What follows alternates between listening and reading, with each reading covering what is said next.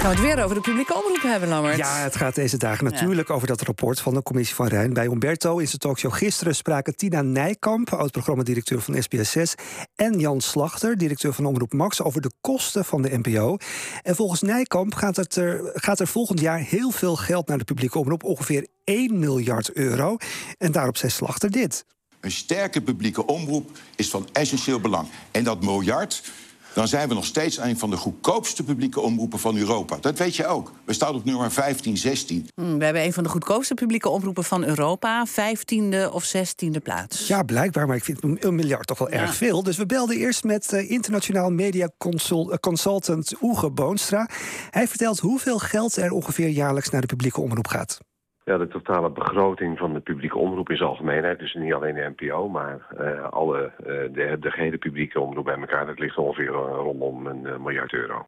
Ja, een woordvoerder van het ministerie van Financiën bevestigt dat het totaalbudget vanuit het Rijk naar de NPO dit jaar inderdaad ongeveer 960 miljoen euro is. En dat is dan inclusief het kopen van sportrechten voor dure evenementen zoals het WK voetbal en de Olympische Spelen. Dus niet alleen ons salaris. Oké, goed. goed ja. Dan gaat dit jaar dus bijna een miljard naar de NPO. Ja, is dat dan, hè, want daar gaat het om veel of weinig vergeleken met andere landen. Ja, Boonstra vertelt als je hiervoor de kosten voor de publieke omroep moet vergelijken op basis van kosten per inwoner van een land. Als je het per inwoner bekijkt, dan zit Nederland uh, laag in de middengroep, zou ik zeggen. Uh, landen die uh, veel hoger budget hebben zijn Duitsland, Frankrijk, Zweden, Verenigd Koninkrijk. Die zitten allemaal veel en veel hoger. Italië zit ongeveer op het niveau van Nederland. En dan heb je de Zuid-Europese landen en de Oost-Europese landen. Ja, dat is een apart verhaal. Daar is de kwaliteit van datgene wat er wordt uitgezonden ook veel lager. maar daar zijn de budgetten dus ook lager. Mm -hmm. Publieke omroepen in andere landen zijn duurder. Ja, in Duitsland bijvoorbeeld. Wiepke Pietlik van het Duitsland Instituut vertelt ons hoe het daar geregeld is.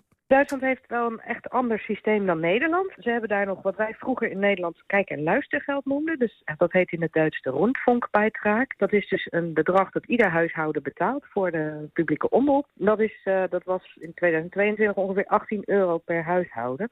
En dat levert dan samen ongeveer 8,5 miljard op. Dus dat is uh, wat de publieke omroepen ter beschikking hebben. Ja, goede oude tijd. Duitsland heeft dus nog kijk- en luistergeld. Dat hadden wij tot 2000 ook. Ken je dit spotje nog? Hé, hey, jij.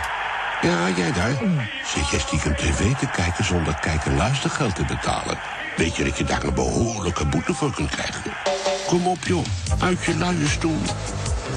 Naar het postkantoor voor je aangifteformulier en brochure. Ja, je dat je televisies ging verstoppen. Ja, dat je als, de, als de, inderdaad als de inspecteur langskwam. Ja. Nou, dat is waar eenmaal. Duitsland heeft dus dankzij dat kijk- en luistergeld uh, 8 miljard uh, per jaar voor de publieke omroep. Een stuk meer dan in Nederland. Waarom kunnen wij het eigenlijk met minder? Ja, Duitsland is natuurlijk een stuk groter, maar er is nog een verschil volgens Boonstra. We moeten wel. We hebben gewoon voor het aantal zenders wat we hebben in Nederland niet voldoende budget. En dan moet je wel tegen lage kosten produceren. Dat is voor lage kosten kwalitatief hoge programmering.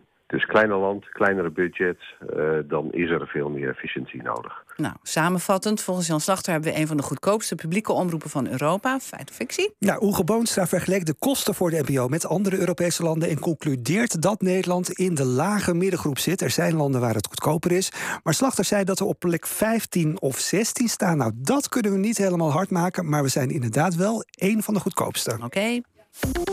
Helene, hoe is het met verkeer? Ja, het gaat op de heel veel plaatsen heel erg goed. Behalve in het zuiden, want daar zijn uh, diverse grensovergangen dicht. De A16 is niet meer helemaal dicht bij Hazeldonk... maar er staat wel een lange file van Breda naar Antwerpen. Tussen industrieterrein Hazeldonk en Meer... is de vertraging nu ruim een uur. Nieuws via de NOS dan komt uit Rotterdam... want daar is de persconferentie bezig over de explosie